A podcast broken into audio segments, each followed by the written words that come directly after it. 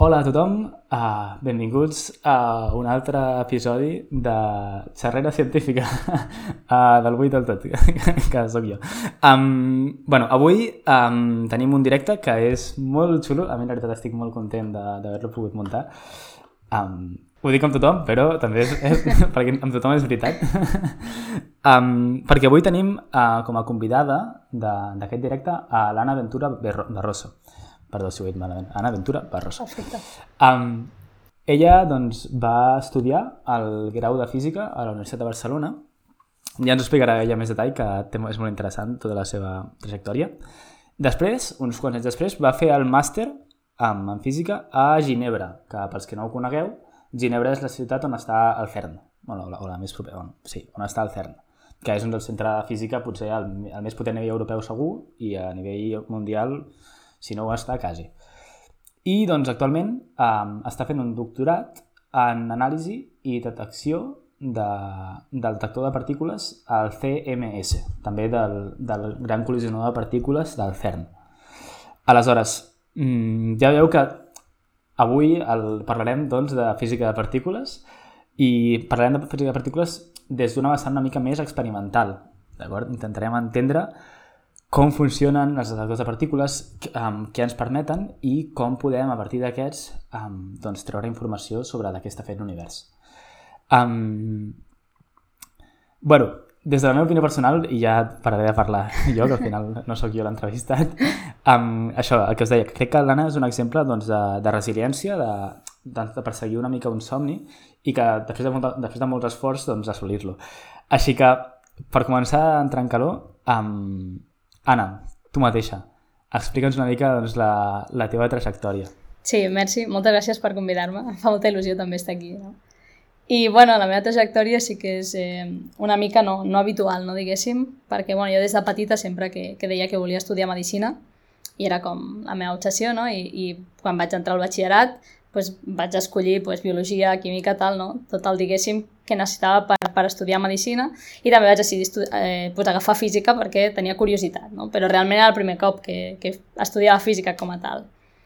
I eh, pues, vaig tenir la sort de que vaig tenir un dels millors profes eh, que he tingut mai, eh, que bueno, li encantava la, la física i pues, em va transmetre aquesta passió. No? Llavors, eh, pel TR, vaig eh, decidir fer un vell i em va dir, vale, doncs, com t'interessa molt la, la medicina i tal, el que podem fer doncs, és fer un treball de recerca que combini la física i la medicina, no? Llavors vaig fer un treball de recerca sobre la radiació aplicada a la medicina i aquí doncs, vaig començar a entrar una mica en el món de la física de partícules, eh, vaig descobrir que, que era el CERN també, no? Llavors eh, vaig poder eh, fer una setmana d'estada al parc científic amb les meves cèl·lules i tal, mirant la, la radioactivitat, no? I llavors allà va ser com, buah, això és molt guai, vull fer recerca, no? I després el meu profe em va dir per què no vas a la masterclass que, de física de partícules que organitzen a la, a la uni per estudiants d'institut, que potser t'agrada, no? I vaig anar allà i va ser pues, just l'any que, que es va descobrir el bosó de Higgs, per tant el hype era bastant alt, i allà va ser quan vaig decidir, no? És com, buah, eh, el meu somni és treballar al CERN i, i estudiaré física. I pues, a partir d'allà pues, vaig, vaig fer física a la, a la uni, eh, mal, vaig treure física en 5 anys, no en 4, vull dir, no, no sóc la millor estudiant del món, eh, ni, ni, de, vamos, ni molt menys. Bueno, bueno això, això mm, és una mica també, és discutible, què vol dir ser el millor estudiant, bueno, no? sí.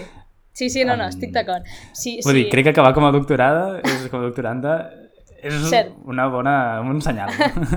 sí, diguéssim llavors que, que el sistema de notes no és el millor sistema per mi, deixem-ho allà. És, vale, d'acord, em sembla, em sembla una bona, una bona, una sí. bona frase. I bueno, i clar, jo, pues, jo, el meu somni encara era treballar al CERN, no? Però clar, pues, realment si no tens bon expedient és complicat eh, entrar, entrar al CERN, però bueno... Va... Com a petit pregunta, per què és complicat? A nivell, perquè necessites beques o...? Perquè en general miren molt les notes. Sobretot al principi eh, miren molt les notes. O sigui, tu has d'enviar sempre el teu currículum i el teu expedient. I clar, la cosa és que hi ha moltíssima gent que vol entrar, doncs és, és com, com la CELE, no? Vull dir, hi ha moltíssima gent que vol entrar al CERN. Per tant, si tenen 100 candidats, doncs, si només poden entrar 5, agafaran els 5 que tinguin millor, millors notes normalment. en el, diguéssim, en el procediment habitual, que és que tu apliques i llavors ells reben un munt de papers i només decideixen pel paper, sense, sense conèixer no, diguéssim. Llavors jo sabia que pues, aquest sistema de selecció a mi no, no m'aniria bé, no? i que jo el que necessitava realment era fer currículum, no? en comptes de, de tenir un molt bon expedient, tenir, tenir bon currículum. Llavors per això pues, vaig estar treballant amb, amb alguns profes a la uni, als estius i tal, no, perquè bueno, pues, tu també ja ho saps, que els, o sigui, a la uni, si treballes gratis, hi ha feina per un tubo. Llavors, pues, tota la que vulguis, Precarietat. no? Exacte.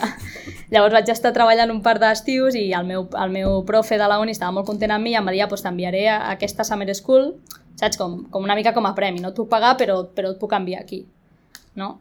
I, I tu pagues tu, entenc, no? Sí, vaig aconseguir una beca del, de, la, de la conferència, però sí, bàsicament l'altra part me la vaig pagar jo, però bueno, sí. I, bueno, pues, eh, pues una school és això, no? Tens classes, en aquest, en aquest cas eren classes pels matins, resoldre problemes per les tardes, no? més o menys, i les classes pues, les donava gent experta en cada tema, i jo en aquell moment bàsicament només havia fet detectors i era la part que més m'agradava de la física de partícules i la persona que va venir eh, a fer aquesta xerrada era la marca Peans, no? que eternament agradecida, eh, pues que treballava en una cosa similar a mi i que a més estava treballant al CERN. I pues, a mi em va, em va flipar molt la, la xerrada, la veritat, i quan va acabar la classe vaig apropar-me a ella i li vaig dir mira, m'ha flipat el que has explicat, jo aquest estiu he estat treballant una cosa similar i el meu somni és treballar al CERN. Creus que podem fer alguna cosa? Hi ha alguna oportunitat? I per sorpresa meva em va dir ah, pues sí, cap problema, envia'm un correu amb tot això que m'has explicat i el teu currículum i mirem. I llavors, gràcies a això, em va posar en contacte amb el que després seria el meu jefe al CERN i vam aconseguir un internship eh, de sis mesos eh, treballant al CERN. No? Llavors, clar, aquí el guai va ser perquè em van mirar el currículum, en cap moment em van preguntar pel meu expedient i després del currículum va ser fem una entrevista. Llavors vam fer una entrevista i va dir, vale, sí, pues, quan vulguis comences. I clar... Sí, al final va ser més important, no? Trobar gent i estar motivadíssima i, Sí. tirar, i tirar i preguntar i picar portes. Sí, sí, sí, sí. sí. Que guai. I clar, i llavors la cosa és que un cop ja has entrat al CERN, després és, això t'obre moltíssimes portes, no? Llavors jo vaig fer les meves pràctiques sis mesos al CERN, després vaig tornar a Barcelona per acabar la, la carrera, que em faltava només el, el, el TFG, i llavors, gràcies a haver estat al CERN, vaig poder fer també unes pràctiques al sincrotró, Alba, a, Barcelona també, i llavors un cop vaig acabar les pràctiques vaig decidir, vale, vull marxar fora a fer, a fer el màster, i vaig decidir marxar a Ginebra, perquè bueno, està al costat del CERN, perquè realment viure, viure en aquella zona és una passada, perquè estan als Alps, si t'agrada la muntanya és com lo mejor de lo mejor, no? I t'agrada la muntanya. M'encanta la muntanya. Perfecte. I llavors això, doncs vaig decidir fer, fer el meu màster en física de partícules a Ginebra. I el primer semestre vaig fer només eh, màster, diguéssim, però, eh, per si no ho sabeu, eh, Suïssa és cara de collons, en general. I, I clar, com a estudiant tens zero ingressos, eh, llavors era una mica complicat la subsistència i vaig decidir, vale, he de començar a treballar a partir del segon semestre perquè no, o sigui, no, no, m'he- no m'he salit les comptes, sinó... Llavors realment tenia dues opcions, que una era treballar al Carrefour del costat de casa meva i l'altra era eh, preguntar al meu jefe del CERN si podia treballar amb ell, no? Uf, Carrefour, CERN... Uf. Està, està, sí. o sigui, era la segona opció el Carrefour, però estava ahí per si de cas, saps? I res, i llavors doncs, vaig anar a parlar amb el meu jefe i va ser un... Bueno, eh, tu em vas dir que estaves molt content amb mi, jo sé fer les mesures, tu necessites fer moltes mesures i no has de perdre el temps ensenyant-me a mi i jo necessito pasta, o sigui, és un win-win. I llavors doncs, em va dir, sí, vinga, doncs et contracto i, va, i doncs, vaig estar treballant a temps parcial al CERN mentre feia el meu, el meu màster. No? I ja, bueno, després, eh, ja quan estava acabant el màster em vaig posar a buscar doctorat i em van oferir un projecte molt xulo aquí a Hamburg, a DESI, i pues, vaig marxar cap a Alemanya. I aquí estamos. Uah, quina, quina, quina, quina trajectòria més... O sigui, al final has passat per moltíssims llocs i, i perquè tu has currat com, com vull dir, també, o sigui, tu has buscat, tu has currat i ho has perseguit, no? Amb això que dius de, del màster, o sigui, haver de treballar Sí. a l'hora de fer un màster, que no és un màster fàcil, no és un màster de, és un tràmit, no, no, no, i un TFM que segur que havia de ser complicat. Sí. Bueno, um, per, per, per part meva, enhorabona. Um, jo no sé si seria capaç. Um, et voldria preguntar, um, al final no, has tingut aquesta trajectòria super difícils, que t'has hagut de currar moltíssim. Mirant enrere el temps a, l'Anna la, la, del grau de física, t'imaginaves que, tot i no tenir unes notes boníssimes, tot i tot i tot plegat, t'imaginaves arribant doncs, ara, havent passat pel CERN, fent un doctorat de física de partícules?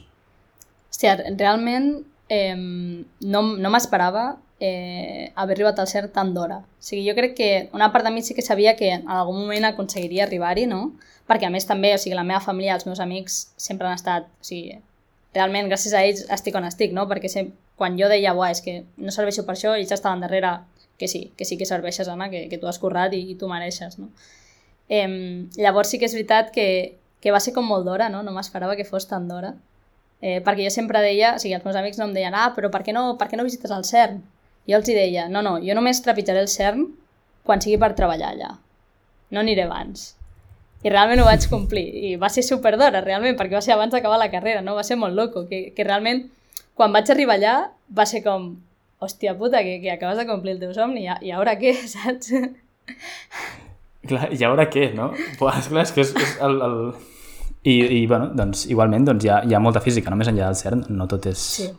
Sí, sí, no, moltíssim. O sigui, de fet, per exemple, la meva tesi de màster eh, no va estar relacionada amb el CERN, perquè vaig fer la tesi de màster en física, en física mèdica. No? La idea era construir un, un prototip per eh, un prototip d'un detector per detectar tumors del cervell que van veure després en simulacions que el que volíem construir no era possible, llavors va derivar en eh, un detector per detectar eh, càncer de mama és molt divertit, no? Perquè al final és física de partícules que penses que és una cosa super random, super... que no té cap purpose, no? que no té cap interès, i mira tu mateixa, no? Fent... Al final recuperar una mica aquesta física mèdica que, que t'agradava, no? Clar, jo crec que també el, el fet de... Perquè com jo bàsicament treballo amb detectors, al final els detectors s'utilitzen en molts camps de la física, no? No és només física de partícules. Sí que és veritat que la física de partícules ens ajuda a entendre millor com interacciona, no? Potser d'això parlarem una mica més després. Però al final diguéssim, és el mateix. Un cop saps com, com funciona, pots construir un detector quasi per qualsevol cosa, no? Per així dir-ho. Ho pots aplicar al camp que vulguis. Wow, guai. Vale, doncs seguim, seguim, seguim, seguim. Um, ara que ja ens has explicat una mica doncs, què és el que t'ha portat aquí, um, també m'agradaria que ens expliqués una mica com és ara estar aquí, al, bueno, ha passat pel CERN, ara estan fent un doctorat en física de partícules, una mica com és el, el, teu, el teu dia a dia, com és l'experiència CERN-TM? Sí. Eh, bueno, eh, evidentment, o sigui, en general és, és una passada, no? Vull dir, tant el CERN com, com està DESI, també perquè DESI és, un, o sigui, és el laboratori de física més important d'Alemanya, també, i és el segon o el tercer d'Europa, vull dir que també és, és, és un centre bastant xulo, no? I és, és, és molt guai perquè saps que estàs treballant amb gent, o sigui, amb els millors del, del teu camp, vull dir, estàs realment en the edge, o sigui, realment, o sigui, pushing els límits, veus, ara mateix no sé com dir-ho això en català. Estàs com portant, estàs en, en el, a la primera línia, sí, no? De, sí, de, exacte. de la recerca. Del Gràcies, sí. Uh mhm. -huh. Que això és, pues, a la vegada molt guai, no? Perquè dius, jo, és que, és que estem realment descobrint coses, però per altra banda també porta moltes frustracions, perquè és com, vale, no sé com fer això, i ningú et pot ajudar, perquè ningú ho ha fet abans. Llavors potser t'estàs mm, tres mesos per intentar mm, o sigui, avançar una mica, que a vegades és una tonteria, una coma en el teu codi, no? evidentment, no típico. Però llavors, o sigui, el que... És, és veritat que has de treballar molt això, com portar la frustració, no? Eh, i, i l'estrès, perquè al final també al ser... El, bueno, jo crec que a tu també et passarà, no? Al ser doctorat eh, tota la feina va per nosaltres, no? I sempre hi ha moltíssimes coses a fer. Llavors sempre et demanaran, ah, pots fer això també? I tu també has d'aprendre a dir que no, perquè si no al final, pues, sí, sí, explotes. No? Tot, tot el pes et pot sobre Exacte. la feina i, i t'esclapa. Sí, sí. I com és treballar amb gent brillant, no? O sigui, potser aquesta, hi ha aquesta idea doncs, que treballes amb gent boníssima, la millor dels seus camps del món. Com és, com és treballar Pues en general, en general és molt guai, no? Perquè, perquè això és gent que sap molt i que, i que et pot ajudar. O sigui, és això que dèiem, no? Sí que és veritat que estàs frustrat perquè no saps com continuar, però tens tot un equip que et pots reunir i pots discutir i, i el guai també és que discuteixes al, al mateix nivell amb, la, amb el teu supervisor que porta 30 anys en el, en, en el camp, no? tu que acabes d'arribar, i discutiu al mateix nivell. Llavors això és molt, molt guai, realment. I també pel que dius, no, ja no existeix no? aquesta idea de que és un investigador sol al seu despatx amb, amb els cascos i no mirant res més i només la seva feina? No, no. Com treballeu una mica entre vosaltres? Sí, clar, no. la, en, aquí el, nosaltres perquè treballem a CMS, no? que el, la cosa també és que quan tu treballes per un gran experiment o una gran col·laboració, o sigui, nosaltres eh, som milers de persones treballant, treballant en això, perquè l'anàlisi de dades que fem és tan complicat que és que una sola persona és incapaç de fer-ho. Necessites l'ajuda de moltíssima gent perquè tots estem diguéssim, pues, eh, ajudant a que, a que això funcioni, no? O sigui, jo, per exemple, tinc el meu anàlisi, però CMS, tal com funciona, és que cadascú té el seu anàlisi o la seva feina, però a més tu has de, has de fer tasques per la, per la col·laboració, diguéssim, no? Hi ha, hi ha treballs que s'han de fer que no et donaran una publicació, però que s'han de fer.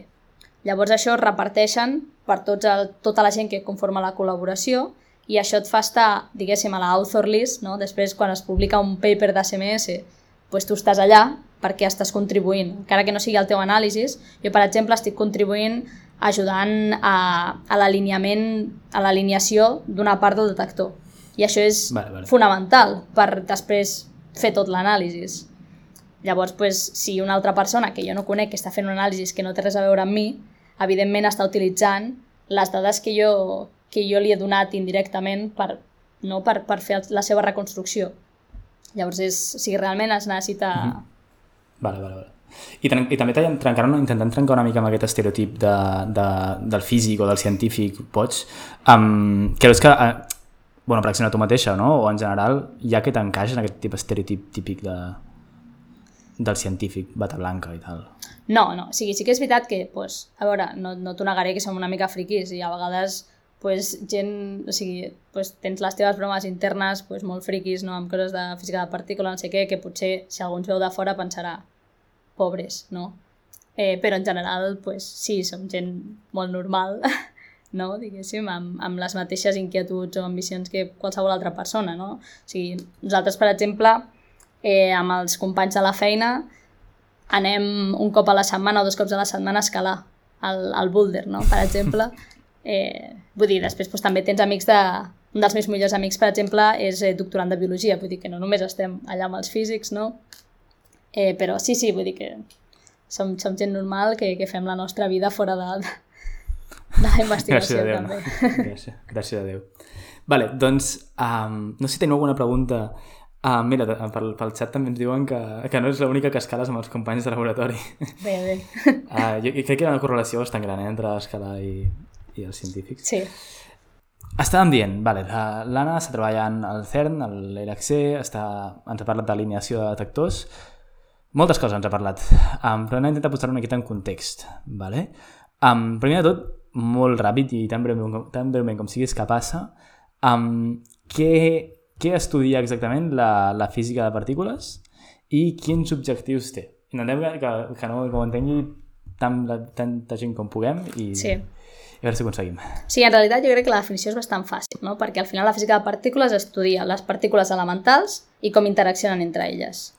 Espera, de fet, t'aturo un segon, però t'aturo un segon, eh? que ens acaben d'arribar una pregunta del xat i aprofitem i te la fem ara. Um, ens pregunten per aquí, quin paper um, té la supercomputació en la teva feina del dia a dia? Sí, la supercomputació és molt important eh, perquè la quantitat de dades que produeix l'LHC, que ja en parlarem després, suposo, és brutal, o sigui, és exagerat, és una locura, no? I, i tot això s'ha, pues, primer, de, de guardar d'alguna manera i després també eh, s'ha d'enviar a totes les persones que, estem, que no estem basades al CERN i que estem fent l'anàlisi amb aquestes dades. I després també hem de fer tot un seguit de reconstruccions amb aquestes dades i de simulacions que requereixen moltíssima potència. I llavors per això tenim el que anomenem, o sigui, s'anomena GRID, que és una xarxa de, de computació eh, arreu del món, vale? que, que és bàsicament per això. O sigui, tots, eh, tots els instituts eh, que formen part del CERN, doncs els que tenen uns ordinadors més potents, una, doncs això, una xarxa de computació més potent, per exemple aquí DESI té tota una xarxa, la cedeix al, al CERN, no? a l'LHC, i llavors els altres eh, instituts més petits poden utilitzar el, pues, diguéssim, el power eh, que té, el poder, el poder, la, potència. la potència que tenim, que tenim aquí per fer les seves pues, simulacions i, i per córrer el seu anàlisi. Super. Sí, de nou, feina supercol·laborativa. Sí, sempre. Vale, doncs seguim. Definició de física de partícules. Quins objectius? Què vol fer? Sí, bàsicament estudia les partícules elementals i les seves interaccions. Ja està, sí, fàcil i sencillo. Vale, fàcil. Ja està. Vale. La idea és que després es complica una mica, no? Perquè el que, el que voldríem fer Com tot. Seria pues, poder descriure de què estem formats nosaltres i què està format l'univers.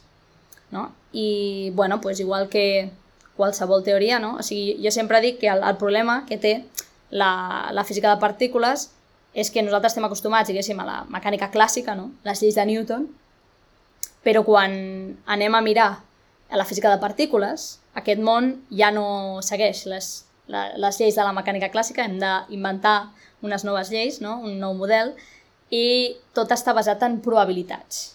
Vale? Llavors això és com un canvi de paradigma perquè ja no és tot, diguéssim, sé que si llenço una pilota caurà aquí, no, ara és llenço una pilota i té probabilitats de caure aquí, però també aquí. Llavors, és, les coses es compliquen una mica més, no? I tota aquesta, diguéssim, el, la física de partícules té, doncs igual que les lleis de Newton, tenim un model que prediu bastant bé una part del nostre univers, que és el que anomenem el model estàndard. Vale? Nosaltres ens basem ara mateix en el model estàndard, és com el model no? de la física de partícules realment i explica eh, molt, tot i que després, si, o sigui, explica tot el que sabem ara mateix, que realment si ho poses amb números és una mica trist perquè és el 5% de l'univers, més o menys, Però amb molta precisió. però amb moltíssima precisió. O sigui, és, és la leche, és la leche. Però el 5%. però el 5%. I bueno, eh, llavors, bàsicament, eh, el, que, el que sabem fins ara, no, diguéssim, és, o sigui, tenim eh, dos tipus de partícules elementals, no, que serien els quarks i els leptons. Els leptons els coneix tothom, no?, perquè un electró és un leptó. Eh, Tothom, tothom, no sé quins tractes et mous. Més o menys, més o menys. Clar, és que el problema és Vale, que... electrons, electrons, això, ho- això ho hem seguit. Vale, electrons, Sí, electrons, sí. Vale. Després hi ha uns altres tipus de leptons que són una mica més pesats. Vale? Tenen més massa, Vale. com els muons, per exemple, que és igual que l'electró, però més, més pesat. Vale? És el germà gran de l'electró. Perfecte. Punto. vale. I aquí tenim els, els, le- els leptons, vale? que normalment fan parella amb el que anomenem neutrinos. Vale? Que aquest, aquestes Mhm. partícules són eh, pues unes partícules molt, molt petitones que de fet eh, quasi que es considerava que tenien, bueno, es pensava que tenien massa zero, S'est- s'està estudiant que potser no tenen massa zero No tenen, no tenen massa zero, no tenen massa zero. I, i bueno, són unes partícules molt, molt interessants i són una locura de partícules perquè Sí que ho són, sí que ho són. sí, és, però és Vale, una locura, llavors, és una locura de partícula. O sigui, Eh, ho és, el, ho és. el, el CERN, o sigui, l'LHC, els neutrinos, pues és de lo més complicat, ¿vale? Passemos pàgina. Passemos pàgina, seguim. Sí, després tenim els quarks, que els quarks, Vale. bàsicament, quan s'ajuntes, pues, formen eh, altres partícules com poden ser els protons. Vale? Vale. Els protons estan formats per tres quarks. I aquests quarks eh, hi ha de diferents tipus. Vale? Tenim fins a sis quarks. Els que tots coneixeu són l'up i el down. Se sap. Vale, aquests, aquests si, si no me'n recordo, aquests són els que fan el protó. Exacte. El protó, oi, que són els protons i els neutrons, que són els que coneixem, no? Són els up i els down. Exacte. So, nosaltres resta, pues, estan por ahí. estem formats, bàsicament, de quarks up, down i d'electrons. Vale, Bàsicament. perfecte. Només aquestes Vale. tres partícules ens conformen. Bien. Vale.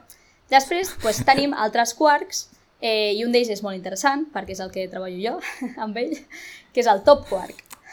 Zero viatge aquí, eh? zero Zero, viatge. zero, zero. Que el top quark, eh, la característica que té, que ja us ho explicaré també més endavant, és que és la partícula més pesada que coneixem fins, a, fins ara. Punto. Ahí dejo. Ja, ja leeré más. Vale, vale, perfecte. Ok. Llavors, tornem a retrasar-nos una mica, no? Exactament, vale. Tenim totes aquestes partícules, Mhm. perfecte, amb, eh, aquestes les coneixem, funcionen molt bé.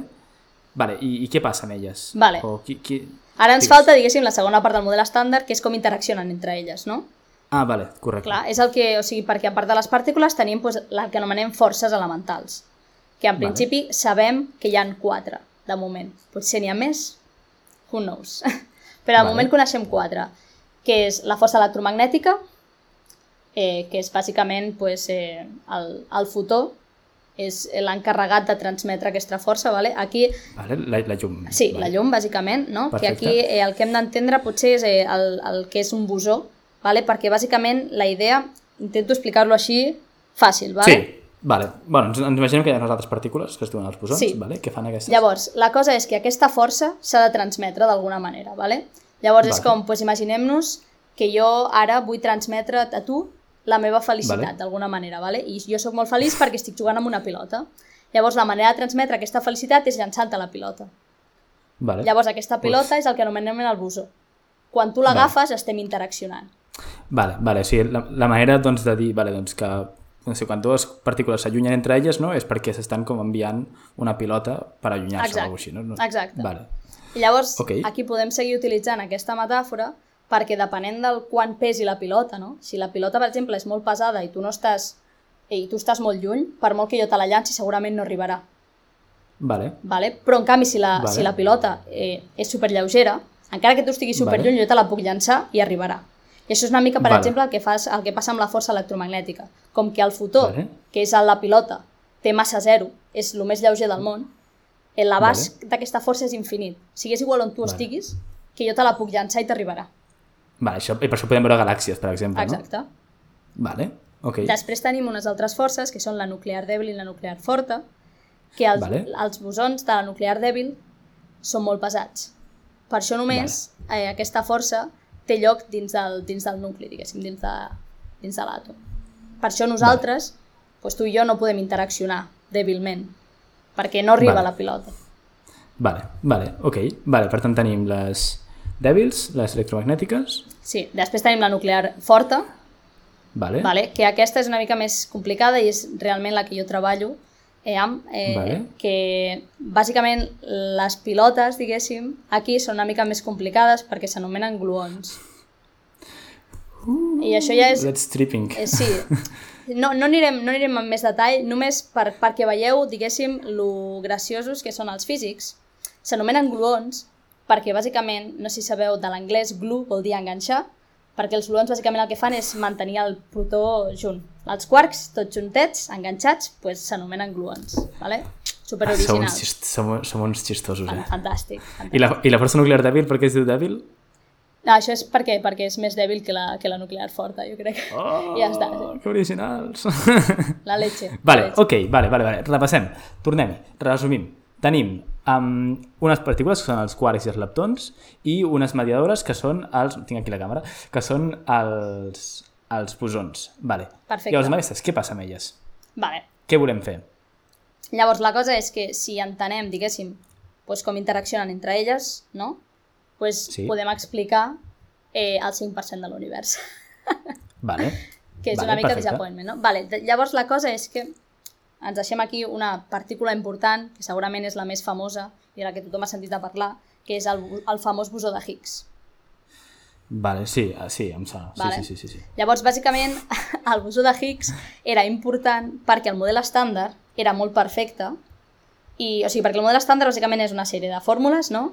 Que tu dius, vale, eh, si jo faig xocar aquestes dues partícules, eh, com jo sé com interaccionen, faig xocar les dues partícules i...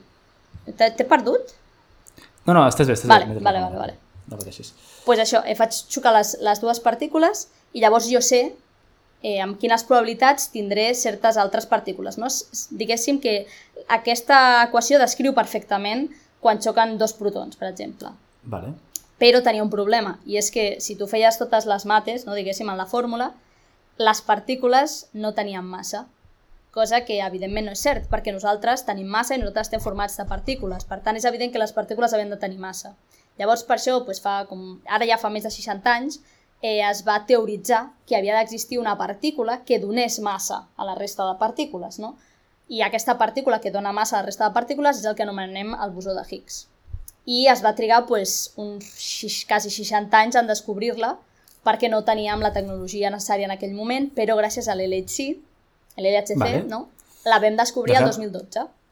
Vale, et tallo una mica, si no et fa res. Sí. Aleshores, um, vale, tenim no, tot aquest model teòric que fa més de 60 anys que ha existit i hem hagut de trigar aquests 60 anys per construir un experiment tan bèstia, tan bitxo, tan car també, com l'LHC, no?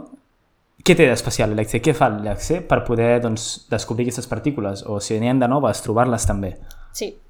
Eh, la cosa és que eh, aquí el que hem de tenir en compte, no diguéssim, és que hi ha eh, les partícules estables, no? que són les que, doncs, les que estem formats nosaltres, que és la que he parlat abans, eh, protons, eh, neutrons i electrons, i després tenim tota una sèrie de partícules que són inestables. ¿vale? I bàsicament eh, aquí el que hem de tenir en compte també és el que s'anomena el principi de mínima energia, no? que és bàsicament que l'univers tendeix sempre a la mínima energia. No? És com que és més estable quan hi ha menys energia. Llavors, com sabem que l'energia, sabem, ara sí que ho sabem, perquè us ho estic explicant, que l'energia i la massa són equivalents, no? la famosa eh, equació d'Einstein, eh, és igual a mc quadrado, no? Mhm. Eh, això vol dir que més massa vol dir més energia, no? Per tant, Vale. si hem dit que l'univers intenta buscar sempre la mínima energia, vol dir que intentarà buscar la mínima massa. És per això que l'electró és una partícula estable, perquè és el leptó amb menys massa. Vale? Vale. Vale. Fins aquí tot clar. Llavors, què passa? Que, per exemple, l'altre leptó, del que hem parlat abans, el muó, que és més pesat que l'electró, acabarà decaient i s'acabarà convertint en un electró. O sigui, les partícules inestables tenen un temps de vida.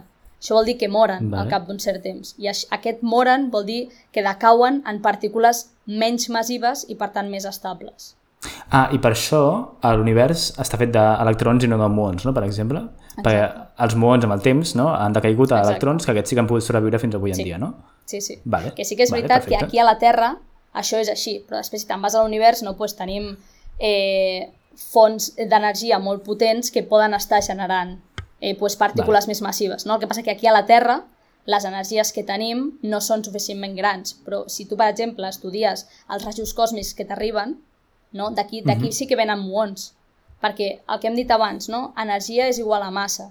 Si tu vols veure partícules molt massives necessites molta energia, no? Vale.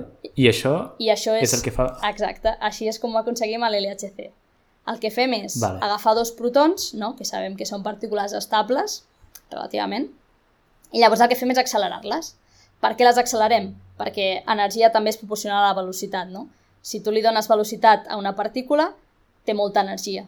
Llavors, en el moment en què les fem xocar, com tenen tantíssima energia, són capaces de crear partícules molt més massives que si féssim xocar dos protons amb, amb l'energia normal, diguéssim, no? perquè no seríem capaços de crear partícules tan, tan massives. Llavors això és una mica el que, el que intentem fer, no? Intentem produir aquestes partícules més massives que en la vida normal, diguéssim, no, no observem, perquè això també ens dona molta informació del que està a l'univers, no? pues amb les estrelles de neutrons o, o amb els forats... O sigui, saps? Tota, totes aquestes coses superenergètiques que produeixen altres partícules o que es van produir també eh, durant el Big Bang, que ara mateix aquí no les podem observar perquè no tenim suficient energia, és el que intentem fer a l'LHC. Vale. És com un mini Big Bang, allà, no? Un mini, mini, mini, mini, mini Big Bang. Bueno, o menys. vale, i aleshores, um, vull preguntar-te, des d'una part més tècnica, doncs, vale, exactament, um, què, què és l'LHC, no? Quin bitxo és? Què, què, què, què, què... O sigui, com us, com us ho feu per aconseguir aquestes energies, aquestes velocitats tan bèsties i amb aquestes velocitats crear partícules noves? Sí, sí l'LHC és, un, és una bèstia espectacular. O sigui, realment se't posa la pell de gallina quan, quan ho veus, no? O sigui, és, és, un, és un bitxo, ¿vale? Eh, l'LHC vol dir Large Hadron Collider, o sigui, el gran col·lisionador de drons. ¿vale? Els protons són un tipus de partícules dins d'un grup que s'anomenen hadrons, perfecte, col·lisionador, les fem col·lisionar, i el gran, pues, perquè és gran de collons, bàsicament. O sigui, és una màquina que són 27 quilòmetres de circunferència, 27 quilòmetres, i està 100 metres sota terra. Vale? I ocupa pues, part, una, o sigui, en, creua la frontera entre França i Suïssa, no? Eh, bueno, i és un bitxo molt espectacular i el que fem allà és eh, accelerar les, els protons al 99,99999% de la velocitat de la llum. sí, Vale. Vale, això és bastanta velocitat, bastanta, Sí. bastanta velocitat. van ràpid, vale. ràpid. Vale. Vale? Llavors, eh, la cosa és que és molt difícil fer això, realment. Vale? I, evidentment, tu no pots Vale. eh, accelerar protons, diguéssim, de 0 a, a la velocitat de la llum, així, no? Llavors, al CERN hi ha molts acceleradors de partícules, de, fet. Eh, Mhm. L'LHC és un col·lisionador, però després tenim tot un seguit d'ac- d'acceleradors que venen abans que van accelerant les partícules gradualment fins a assolir l'energia que necessitem per fotre-les a dins de l'LHC i llavors que xoquin entre elles. No? Vale. De fet, eh, l'LHC és l'accelerador més gran del món i el segon més gran és just el que ve abans de l'LHC. Vull dir, Vale. perquè, perquè ens fem una idea, no? Et, et vull fer una pregunta. Sí. Per tu, quin, quines creus que són les coses més... També, al xat, si voleu fer alguna pregunta, feu-la, eh? Um, això és molt informal. Um, per tu, quina creus que és la cosa que tècnicament és... O quina creus tu, eh? És més difícil de- d'aconseguir nivell tècnic. Sigui, perquè, per exemple, hi ha els, els tubs han d'estar al buit, no? Que d'estar Sí. molt fred. Quina, quina diries? Jo crec que són els imants. O sigui, els imants és una locura. Perquè, o sigui, realment, jo el primer cop que em van explicar com funcionava... Perquè, perquè, perquè, perquè hi ha un imant. de la nevera o... Vale, vale. Sí, sí, sí, sí. No, no, no, és, és veritat, o sigui, clar, perquè nosaltres el que fem a l'accelerador, diguéssim, és evidentment accelerar les partícules, no? I després en, el, en un punt les fem xocar. La cosa és que d'aquests 27 quilòmetres, eh, l'acceleració només passa en uns 300 metres, realment. Vale. O sigui, és molt, molt petit el, el diguéssim, el tros que accelerem. Però necessitem 27 quilòmetres perquè eh, quan les partícules tenen tantíssima energia és molt difícil que segueixin el camí que nosaltres volem. Clar, això no ho he dit, però l'LHC és un accelerador circular. Vale? No és lineal, però és circular. Llavors això vol dir que la, li hem de dir nosaltres a la partícula cap a on ha d'anar. Diguéssim, no? Les hem de curvar. I això és pues, molt difícil. Llavors, Vale. per curvar les partícules, vale, per accelerar les partícules utilitzem camp elèctric, vale? i per curvar les partícules utilitzem camp magnètic. D'aquí Ah, i aquí... entren els imants, exacte, Vale. que són superimportants. Primer tenim això, uns imants que són molt importants per eh, curvar la partícula i que segueixi el camí circular que nosaltres volem, i després tenim moltíssims altres també per focalitzar el feix, vale? Vale, perquè vale, volem que estigui molt, molt focalitzat perquè quan xoquin, realment xoquin entre, entre les partícules, perquè si estiguessin desfocalitzats doncs, potser passarien de llarg, no? Vale. I llavors la cosa és que aquests, aquests imants són un passote perquè eh, necessitem uns camps magnètics superelevats perquè les partícules facin el que nosaltres volem, perquè realment tenen una energia que Vale. te cagues, no? I el problema Vale. és que bueno, hi ha un efecte, que és, que és el que s'anomena l'efecte Joule, que tots l'hem patit perquè si algun cop heu estat amb el mòbil eh, jugant molta estona, s'escalfa. Vale? I això passa amb tots els circuits, diguéssim. Quan tu els hi fots eh, corrent, perden energia en forma de calor. Vale? És el que s'anomena Vale. efecte Joule. I el Sí, el problema... morinador l'està patint ara mateix una mica, pobre. Sí, sí, sí. I el problema vale. és que eh, quan, o sigui, els, els imants que tenim eh, eh, són... O sigui, nosaltres els, els hi fotem eh, aquesta corrent per crear el camp magnètic al mig, no? O sigui, és bàsicament uh Mhm. -huh. coure, eh, coure.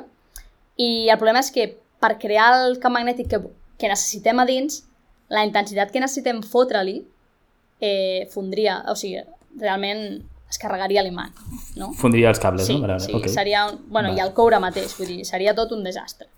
Vale. Llavors, el que es va descobrir és que hi ha uns materials que s'anomenen materials superconductors que són Mhm. ideals en el sentit de que no tenen aquest efecte Joule, no perden energia en forma de calor. Llavors tu els hi pots fotre aquesta, aquesta intensitat que llavors podem arribar Vale. als camps magnètics aquests perquè no es fondran, diguéssim. Quin és el problema? Que no existeixen a la, a la temperatura normal, no diguéssim 20-10 graus, sinó que existeixen a temperatures superbaixes. I això vol dir que tot el tub ha d'estar refredat a temperatures més fredes que a l'univers. O sigui, crec que són com menys 273 graus, o 200, alguna així era. O sigui, és molt heavy. Sí, uau, uau, Sí. uau, uau, uau. Està Vale. fred de collons el tema, no? I és molt complicat, Vale. perquè has de refredar 27 quilòmetres. Vull dir, és... I això s'ha de mantenir així, no? Sí. Vale. Sí, sí, sí. És, és bastant, bastant heavy, no? Llavors, clar, quan em van explicar això vaig pensar, o sigui, això funciona de milagro, perquè ja em diràs tu. Hi ha tantes coses que poden sortir malament i després, evidentment, hi ha hagut accidents. No? Perquè, clar, el problema és que tu tens un feix de partícules eh, pues això actua quasi com un làser, no? Vull dir que, que si toca una paret, sigui, si es desvia i, i toca el tubo, pues el forada, no? I què passa? Wow. Que el- això està refredat amb, amb heli, és amb heli, crec, eh, amb heli líquid, vale? però que quan, quan això entra en contacte a temperatura ambient, l'heli líquid es converteix en gas, per tant, s'expandeix. Vale. Vale. Per tant, rebenta la tuberia, i això ha passat. Fa molt de temps, però ha passat. Vale, o sigui, al final has de, has de preparar-te no? i per treballar aquestes condicions d'intensitat elèctrica, de temperatura, amb, amb, tots el, amb, tots els, amb tots els teus experiments. No? Mm. Aleshores, si et sembla bé, um, seguim avançant una mica, perquè crec que això que ens estàs explicant una mica, no? Aquestes, aquesta construcció d'aquests experiments amb aquestes temperatures, està una mica relacionat amb el que fas tu, oi? Sí. Ens has, ens has d'explicar alguna cosa més, però, però si et sembla bé, explica'ns una mica la, la teva recerca que estàs fent ara mateix, el teu doctorat, exactament en què consisteix i com es relaciona, doncs després ho parlem, com es relaciona amb això. Sí, eh, el meu doctorat té dues parts. Una que és el que anomenem doncs, més hardware o instrumentació, no? que seria tot el tema de detectors. Llavors, eh, jo treballo per CMS, com us he dit, que CMS és un dels detectors que està a l'LHC, vale? hi ha quatre, i la cosa és que estem construint, eh, pues, o sigui, bueno, hem de canviar algunes parts del detector per d'aquí uns anys i una part l'estem construint aquí a DESI, no? Llavors jo estic ajudant eh, a construir aquesta part del detector i a més, a més de construir, diguéssim, tots els mòduls, els sensors que utilitzarem com a detectors, els hem de testejar també, no? perquè la cosa és que fabriquem aquests mòduls i després els instal·lem al gran detector, al CERN, i això ha de funcionar doncs, com a mínim durant 5, 5 6, 7 anys, sense canviar-se. Per tant, hem de fer moltíssimes proves per estar segur que, que, no? que, que allò funciona i que allò funcionarà durant almenys 5-6 anys i bueno, pues, fem diversos tests, no? i un d'aquests tests és el que, del que jo sóc l'encarregada, que és el que s'anomena thermal test, o test, test de temperatura, diguéssim. I clar, la cosa és que aquí quan construïm els, els detectors, els construïm nosaltres. Per tant, evidentment els construïm a una temperatura eh, normal en la que nosaltres podem viure, no? pues a 20 graus. Però aquests detectors després eh, funcionaran a unes temperatures més baixes. Els detectors no funcionen a una temperatura tan baixa com, com l'LHC, però sí que funcionen a temperatures tan baixes, o sigui, uns menys 30 graus, més o menys. Vale. vale. I llavors, clar, què passa? Que si tu pues, construeixes aquest detector i, pues, clar, has de tenir en compte moltíssimes coses, no? Perquè tu enganxes coses amb, amb un pegamento especial, però pot ser que aquest pegamento després, quan baixis a menys 30, rebenti i te quedes sin pegamento i sin sensor, no? Llavors, clar, hem de fer un munt de tests eh, pues això de, de mecànics perquè també pues, tens la, la dilatació i la contracció no? quan, quan, quan canvies de temperatura tan heavy. Llavors hem de fer molts tests, mm, diguéssim, només ja mecànics, de que el sensor continuï sencer i que no, i que no es trenqui, però també d'utilització, no? perquè o sigui, el que és superimportant en aquests tipus de sensors és el que anomenem soroll. No? Eh, si tenen molt de soroll no ens serveixen, perquè llavors no podrem distingir entre el soroll i la senyal. Llavors, tots aquests tests eh, poden, diguéssim, aquests canvis de temperatura bruscos poden afectar també el soroll del sensor. Llavors, jo el que tinc, el que estic fabricant aquí, és bàsicament pues, com una nevera, vale? llavors poso allà els meus sensors, faig eh, els tests que siguin necessaris per veure el soroll i dic, vale, pues ara baixo a menys 30 graus. Quan està a menys 30, torno a fer el mateix, el, les mateixes mesures no? de soroll i tal, miro veure i el torno a pujar a 20-25 graus. I torno a fer la mesura i així durant 24 hores, vale? per cada mòdul. Penseu que hem de, hem de construir, pues, no sé si eren com 2.000 o 3.000 mòduls i he de fer això per cada mòdul. Dios. I, la, I a la meva nevera eh, hi caben, amb una mica de sort, 10. Llavors et vull preguntar, per intentar um, agafar una mica aquest context més general, vale, estàs construint un detector o un mòdul, mòduls d'aquests detectors, estàs pues, fent-hi proves, per què serveixen? Primer, doncs, primer potser en general, no? Què fan aquests detectors sí. i en concret què vol que estudien els detectors que fas tu? Sí, o sigui, el detector bàsicament l'hem d'entendre com una càmera de fotos. Vale? Jo tinc dos protons, els faig xocar i vull saber què passa. I aquest saber què passa vol dir que jo faig una foto en el moment en què això xoca i llavors puc veure, diguéssim, què ha passat, no? Així, a grandes rasgos. La realitat és que en realitat jo no veig les partícules. Els detectors no... O sigui, quan tu veus un, la senyal de detector no veus la partícula, sinó veus la traça que deixa. I això ho podríem entendre, pues, igual que si jo vaig al bosc i veig petjades al, a la, al, al terra, jo sé que allà ha passat un animal i et puc dir quin animal ha passat segons la petjada que hi hagi, però no he vist l'animal. Doncs pues el detector funciona una, mica igual. Jo veig la traça i segons la traça que deixa el detector et puc dir quina partícula tenim allà. més o menys. Vale. De fet, ara aprofito per passar la imatge del, del detector CMS, que no s'assembla gens a una càmera de fotos. No, és una mica bastant fet- més gran, no? Sí, aquí de fet podeu veure com a referència una persona petita, que seria potser 10 cops una persona petita, una persona, potser? bueno, no sé quin, quin diàmetre té això, quin diàmetre diríem que té. Em, sí, em, això ho hauria de saber, no? És que normalment, normalment perquè el que penso sempre és, eh, o sigui, em sé els números de com de gran és eh, l'altre detector Atlas, perquè Atlas és el més gran, Ens serveix, ens serveix, ens serveix. i ens és, serveix. eh, sí, jo crec que era com, no sé si 40 metres. 40 metres, o sigui, perfectament... mm, Sí, és, és una locura. 10, bueno, sí, sí. 15 persones, Sí, sí, sí. podria ser. És, és molt Tremendo. gran, és molt gran, sí. Tremendo, tremendo. Vale. No és una càmera de fotos.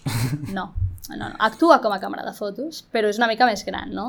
I clar, la cosa és que és una mica més gran perquè realment el que volem veure és una mica més complicat que només eh, fotons, no? Que és el que veu una càmera de fotos, com per així dir-ho.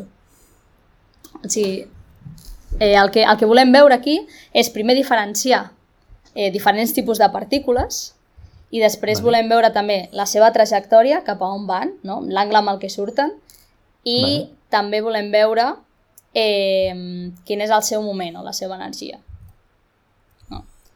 Vale. I llavors per això doncs, necessitem diferents tipus de detectors. Vale, i aleshores, um, tenim diferents tipus de detectors que serveixen per diferents tipus de partícules. Aleshores, um, també relacionant una mica amb el que havíem dit fa una estona. Aquests detectors després què et produiran? Et diran quina, informa quina informació et donen aquests detectors? Quina partícula ha passat, no? Sí, o sigui, clar, la cosa és que és més, és més complicat que això, no? Perquè Vale. tu tens, diguéssim, els, els detectors, vale? o sigui, pues, per exemple, Sí. sí. el, aquí al centre, en color blau, és el que anomenem el tracker, no? Llavors, per aquí passen unes partícules, i jo el que, el que, el que diguéssim, tindré és una senyal elèctrica, única i exclusivament. Vale. Llavors, a partir d'aquesta senyal elèctrica, com jo tinc doncs, a la part blava, em, em centraré en la part blava només, vale? perquè és, diguéssim, la, la primera que passa. Jo el que tinc és com molts, molts detectors, no? molts, molts píxels, si vols dir, un darrere l'altre. Llavors, jo, jo el, que fa, el que serà, doncs, o sigui, jo rebré senyal en cada, cada capa, no diguéssim, i com Vale, jo rebo senyal a cada capa, el que puc fer llavors és saber més o menys la trajectòria de la partícula, no? Vale. Llavors, ok. així el que faig és reconstruir la trajectòria de la partícula. Eh, llavors, Vale. sabent, diguéssim, la trajectòria de la partícula i també, eh, pues, això, com sé la trajectòria i tinc un, tinc un imant allà dins, que això ja es complica, puc saber també Vale, el res. moment de la partícula per la curvatura Vale. de la trajectòria. La velocitat, entenc. Sí. Vale. Vale, i aleshores, um, per posar-nos en context, tenim una bèstia de detector, un bitxo enorme. Quin volum de dades genera, més o menys, això? Sí, eh, pues una locura de dades, vale? Espera, perquè aquest número eh, me l'he apuntat a algun lloc perquè sabia que ho preguntaries. Sí, de fet ho tinc, ho tinc jo. Són, eh, tinc apuntat jo 90 petabytes. Sí, exacte, vale. Pues 90 petabytes eh, a l'any, que això és una locura, i la cosa és que aquests 90 petabytes són després eh, d'haver fet una selecció. Vale? Vale. O sigui, la quantitat de dades que generen al moment de la col·lisió és una locura màxima. O sigui, pensa que tenim un bilió de col·lisions cada segon i cada col·lisió genera milers de partícules. Vale? O sigui, és una locura. Què passa? Uf, Que la major part no ens interessa. Vale. Vale? I llavors el que... Perquè són més probables, no? Són coses que no t'interessen, que potser són més probables Exacte. i que estan per allà i, i tu vols borrar. Sí, busquem les coses Vale. realment pues, que, que tenen menys probabilitat de, de passar, no? I, I per això tenim el que s'anomenen triggers, que bàsicament són, eh, diguéssim, com eh, pues seleccionar a, això m'interessa, això no. Vale? Vale. El que passa que és molt complicat perquè realment necessitem diversos triggers i que siguin quasi immediats, perquè o sigui, és impossible eh, emmagatzemar la quantitat de dades que es produeixen per una col·lisió. Llavors tenim el que anomenem el, el trigger al, al nivell 0, diguéssim, com per així dir-ho, Uh -huh. Que això està eh, dins del propi detector. O sigui, és, és una cosa física. Vale? Que llavors, o sigui, en general, com busquem partícules molt massives, eh, ens interessen només partícules que tinguin, per exemple, un moment molt gran. Vale? Molta quantitat de moment o d'energia. Llavors, sí. si el meu detector detecta una partícula que té un moment pues, menor del que jo vull, ja és que ni la compta. Vale. Vale, perfecte. Vale? Llavors aquest seria el primer, diguéssim, trigger. I després tenim diversos més, no? que el que fan ja Vale. és fer la reconstrucció parcial de, ok, això d'aquí és un fotó. M'interessa el fotó o no m'interessa? Vale. I després hi ha la reconstrucció final, que són aquests 90 petabytes, que això seria ja, diguéssim, el que jo necessito, no? perquè és, vale, eh, hem, hem tingut al final pues, a, aquest, un electró i un muó i un fotó tal qual, llavors si reconstruïm d'aquestes partícules quina és la partícula pare, no? de quina han decaigut, Mhm. llavors jo sé que això és un, un, un quark top. Vale? Vale. Llavors aquestes dades, li dic, vale, aquestes dades són per la gent que està fent anàlisis de quark top, per exemple. Vale. Vale. Llavors, tenim totes aquestes dades que hem borrat, que hem seleccionat moltíssimes d'elles, i tot i així són moltíssimes dades. Vale, doncs entrem, si no m'equivoco, a la segona part de la teva recerca, no? Que és una mica doncs, amb tantes mogollon de dades, en aquest pallà de, de dades que hi ha, com trobem l'agulla, com trobem la partícula que estem buscant? On està la dificultat no? d'aquest anàlisi de dades per trobar el que tu vols? Sí, eh, és molt complicat, és molt complicat.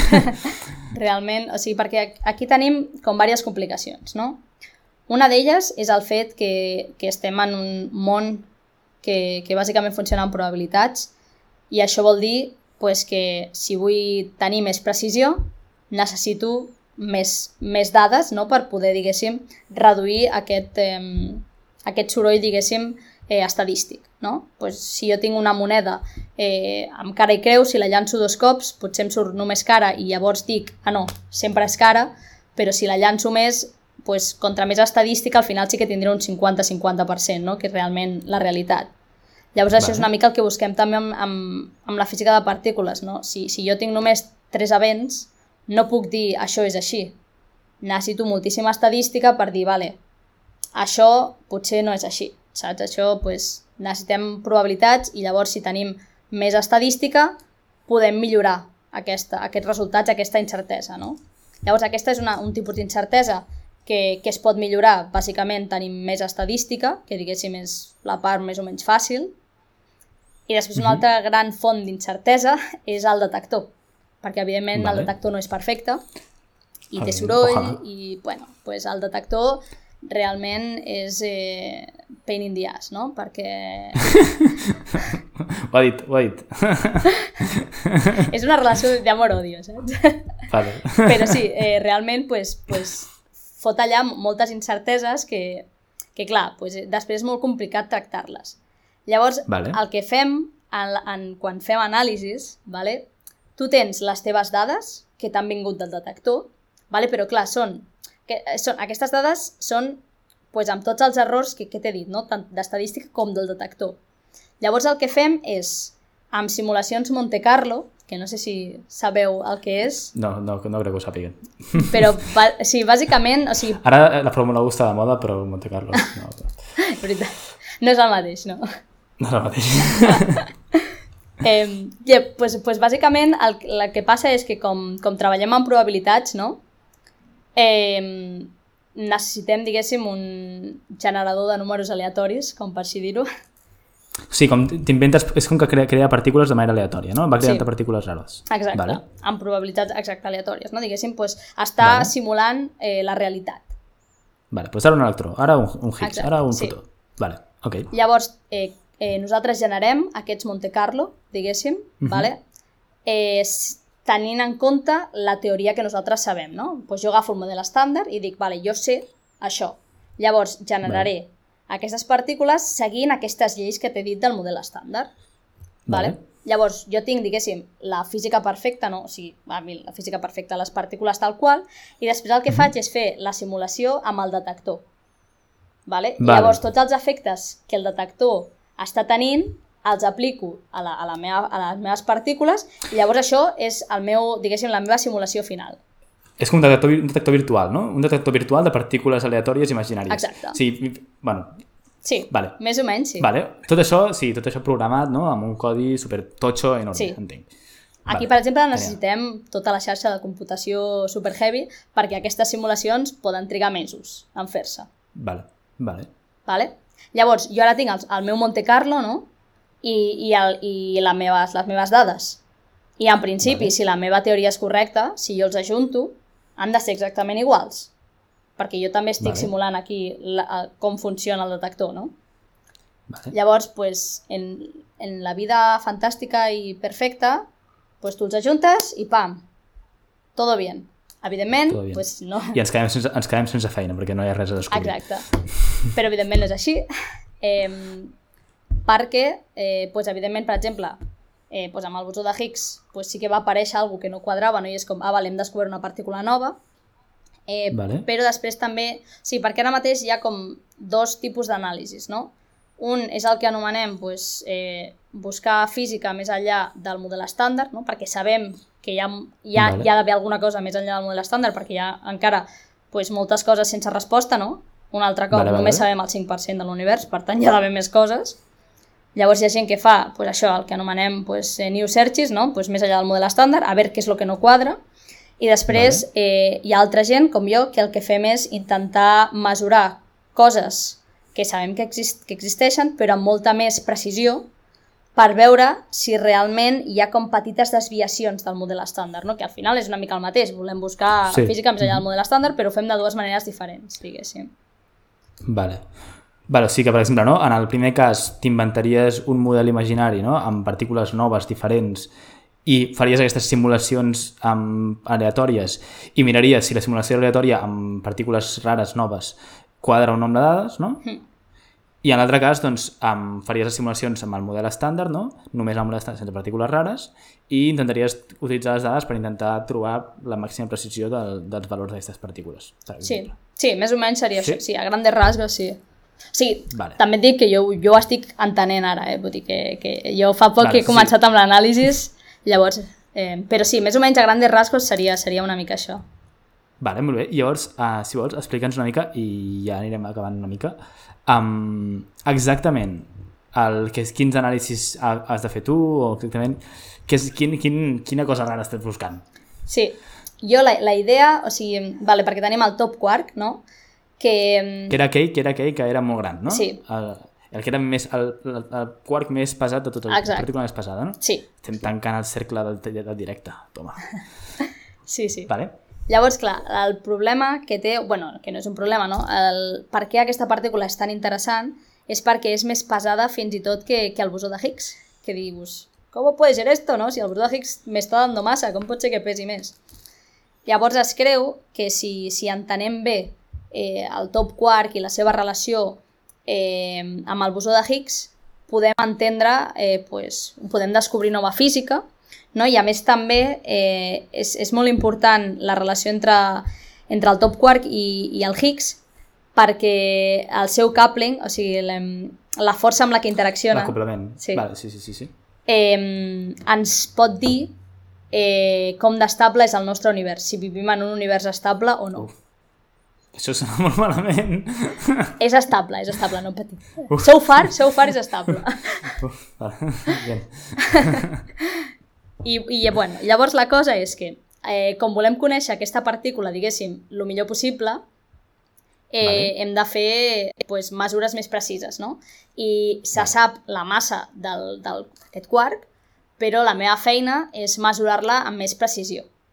Vale? Vale. Llavors, pues, quan tu la mesures amb més precisió eh, i, i dius, vale, pues, eh, aquesta massa, no? eh, quan, tu la, quan tu poses aquest valor d'aquesta massa en altres anàlisis és quan pots descobrir eh, nova física, no? diguéssim. Llavors és realment molt important tenir moltíssima precisió en aquests paràmetres com són la, la massa d'algunes partícules. No?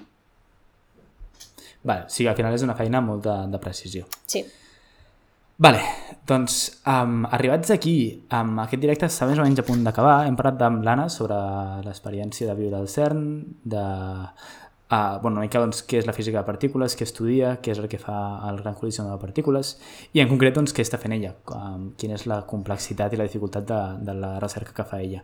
Aleshores, um, és un torn per fer preguntes. Si teniu alguna pregunta per l'Anna, la, la podeu fer arribar i se la preguntem.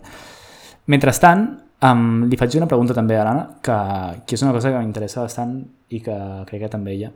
És el tema doncs, de, de la paritat en, en, en el CERN. No? Al final tu has estat, has estat al CERN, has estat a, a DESI, has estat a la Meralba. Um, hi ha un denominador en comú entre que hi hagi una certa quantitat d'homes i dones fent ciència en aquests jocs? Sí, sí, sí. Sí, en general hi ha molts més homes que dones, no? El, el CERN eh, era el 20%, eh, o sigui, el, només el 20% som dones, i, bueno, eh, com sabia que aquesta pregunta sortiria, no, he, he estat buscant eh, el percentatge també de dones al meu grup aquí a DESI, perquè de fet a mi em semblava que, que eren moltes més dones eh, aquí que, que al CERN, almenys el meu grup al CERN, i fent els números he vist que aquí és el 26%, vull dir que tampoc és, és una locura, no? Sí que és veritat que les coses a poc a poc estan canviant, no? Encara, encara queda molt per fer, però crec, considero que és molt important, per exemple, que la directora del CERN sigui una dona. Això és superimportant. És la primera dona que, que, que dirigeix el CERN, no? Però bueno, que és, que és això, no? que, que a poc a poc les coses van canviant i sí que és veritat que encara, eh, tot i que hi ha moltíssimes noies fent el, fent el doctorat, o sigui, ja, són moltíssimes eh, dones que, que, estem, que estem, diguéssim, arribant, encara la majoria de posicions de poder són per homes. No? Per això és tan important que la directora del CERN sigui una dona, eh, perquè realment pues, eh, la física continua sent una mica un campo de nabos, perdó per l'expressió, però... Totalment, totalment permesa i acceptada i totalment d'acord. Vale, doncs bueno, um, aquí seguim, no? Fem feina també. Estic, soc conscient que fas molta feina també de, de divulgació també en aquest aspecte oi? Sí, sí, perquè ja et dic, o sigui, crec que és superimportant la representació, no? Quan tu veus algú eh, que és com tu, que està allà, és quan pots començar a somiar en estar allà, no? Per això també crec que és tan important, no? O sigui, a veure, evidentment, doncs jo com vaig veure que la Fabiola, que la directora del CERN era directora, doncs, doncs evidentment penses, buah, t'imagines si jo fos la directora? Clar, això, això ho pots pensar perquè, perquè he vist a una dona allà. Si no, potser ni m'ho hagués plantejat, no? Llavors, el que sí que, o sigui, jo el que intento és eh, fer xerrades als instituts perquè vegin que hi ha dones fent ciència, que hi ha dones a la física i que és possible. Eh, no sé si, si els que m'esteu veient eh, esteu estudiant física, us ho esteu plantejant, us animo. Eh, si voleu fer un doctorat, podeu fer, o sigui, que ningú us digui que, que no sou capaços i que, no sé, moltes gràcies per, per unir-vos, no? i espero que us hagi agradat i que les coses estiguin una mica més clares ara. Sí, super, ho has fet, ho has fet super, super bé. bueno, doncs moltes gràcies a tots. Ens veiem ben aviat. Gràcies per venir.